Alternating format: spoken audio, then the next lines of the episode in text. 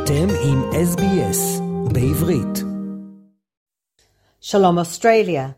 The International Court of Justice issued its interim ruling on Friday on the case South Africa has brought against Israel claiming genocide against the Palestinians in Gaza.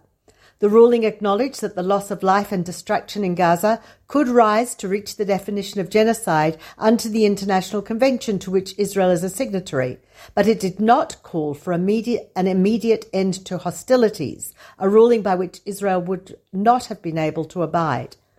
Recognizing the context of the current conflict, which arose after the Hamas invasion on October 7th, the court ruled that Israel must take measures to minimize the harm to civilians and must report on the measures it has taken to South Africa after one month. Immediately after the broadcast of the judgment, Hamas sent rockets into southern Israel.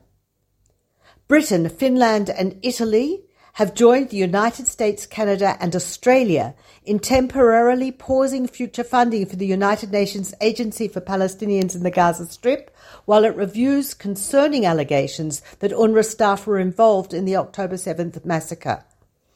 Australian Foreign Minister Penny Wong wrote on Twitter that Australia would temporarily pause disbursement of recent funding she wrote, Australia is concerned by the allegations UNRWA staff may have been involved in the abhorrent October 7th terror attacks. She also noted the vital life saving work by the agency. The decision came after UNRWA said on Friday that it had sacked several employees accused by Israel of involvement in the massacres. Stefan Dujarric, Spokesman for UN Chief Antonio Guterres said Guterres is horrified by the accusations and an urgent and comprehensive independent review of UNRWA will be conducted. In the worst day of losses since the ground offensive in Gaza began, 24 soldiers were killed on Monday, 21 in a single incident. They were aged between 22 and 40 and came from all segments of the country. Troops were operating in an area about 600 meters from the border with Israel, close to Kisufim, destroying Hamas sites as part of the army's efforts to establish a buffer, a buffer zone to allow residents of Israel border communities to return to their homes. At around 4 p.m., an RPG was fired by terrorists at a tank securing the forces, and simultaneously an explosion occurred in a two story building. The building collapsed while most of the forces were inside, and near them. The explosion was likely a result of mines planted by troops to demolish the buildings, but the cause of the detonation is under investigation. Rescue forces who worked to extract the casualties from the collapsed buildings described the scene as reminiscent of the aftermath of an earthquake. President Yitzhak Herzog offered consolation to the families on behalf of the nation and added, Even on this sad and difficult morning, we are strong and remember that together we will win. Prime Minister Benjamin Netanyahu, Defence Minister Yoav Gallant, and War Cabinet Minister Benny Gantz gave a joint video statement which included We bow our heads in memory of our fallen, and yet we do not for a moment stop striving for an irreplaceable goal, the achievement of complete victory. Together we will fight, and together we will win. Fighting against Hamas continues in Gaza where over 210 soldiers have now lost their lives. The IDF released footage today which showed Gazans protesting against Hamas and demanding a change of leadership. In the north, Hezbollah continues its rocket fire and the IDF continues to respond. Families of the hostages still held in Gaza continue their campaign for immediate action to release them. Last night, along with the major demonstration in Tel Aviv, hundreds were outside outside Prime Minister Netanyahu's Caesarea home demanding he respond to them. Israel has reportedly proposed a two month ceasefire in exchange for a staged release of all the hostages. The War Cabinet met on Thursday night with IDF hostage envoy Nitzan Alon and Prime Minister Office hostage coordinator Gal Hirsch regarding negotiations to discuss the proposal after a tense day and a half of accusations between Israel and Qatar that the other was thwarting hostage negotiations. On Wednesday, Qatar said it was appalled at a leaked report that Prime Minister Benjamin Netanyahu had spoken ill of the country, which both hosts Hamas's leaders and has played a key role in negotiating the release of hostages in exchange for Palestinian prisoners. Finance Minister Bezalel Smotrich said on Thursday, Qatar is the biggest obstacle for returning the hostages. We could get all 136 home tomorrow if Qatar would give Hamas an ultimatum to return them all, and if the West would give Qatar an ultimatum to do that. Qatar has a clear interest in preserving Hamas, he said, and he said it's doing everything to thwart our efforts of the State of Israel to totally destroy the military and government's capabilities of Hamas. He said Qatar encourages terrorism, finances terrorism, pushes terror, and is playing a double game.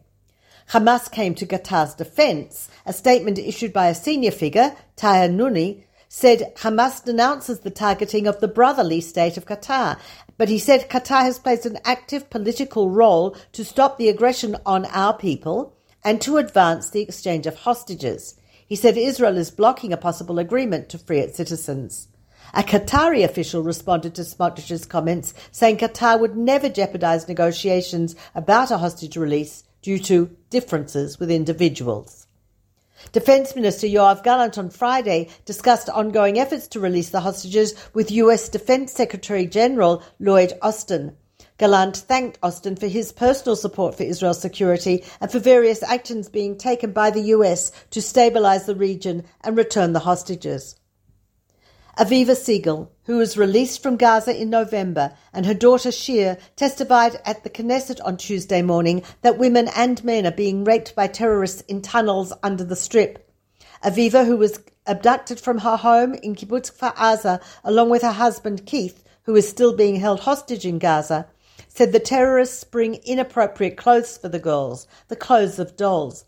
They turn the girls into their dolls and they can do what they want with them, and it's unbelievable that they're still there. I can't breathe. I can't deal with it. It's too hard. It's been nearly four months and they are still there.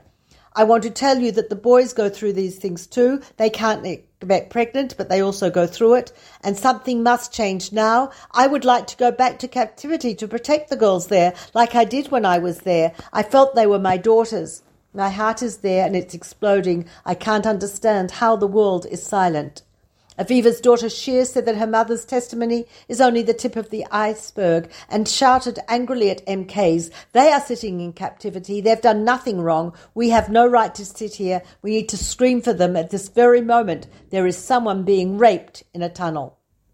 Aviva and Shir were among the relatives of hostages who slept in the street outside Prime Minister Netanyahu's house in Jerusalem on Monday night in freezing winter rain. Singer and actor Idan Amedi, best known for his role on TV hit show Fauda, has been released from Sheba Medical Center weeks after being badly injured in a Gaza explosion. He still faces a long road to rehabilitation, but he says he hopes to return to singing, acting, and fighting. He gave a press conference on Thursday. Looking weak and with his arm bandaged, Amedi said that when he arrived at the hospital, his face was badly burnt and unrecognizable. He was also injured by shrapnel that pierced various parts of his body, and several of his bones were bo- broken. He said that after this first phase of healing, my spirit is stronger than ever. Thankful for the supportive messages sent to him from Israel and all over the world, Amedi said that a visit from Chen Almog Goldstein, who was held captive in Gaza for over 50 days, has changed his perspective on the war. The return of the hostages must be the top priority for Israel. This is Peta Jones Pellach reporting for SBS Radio from Jerusalem. רוצים לשמוע עוד סיפורים? האזינו דרך האפל פודקאסט, גוגל פודקאסט, ספוטיפיי, או בכל מקום אחר בו ניתן להאזין לפודקאסטים.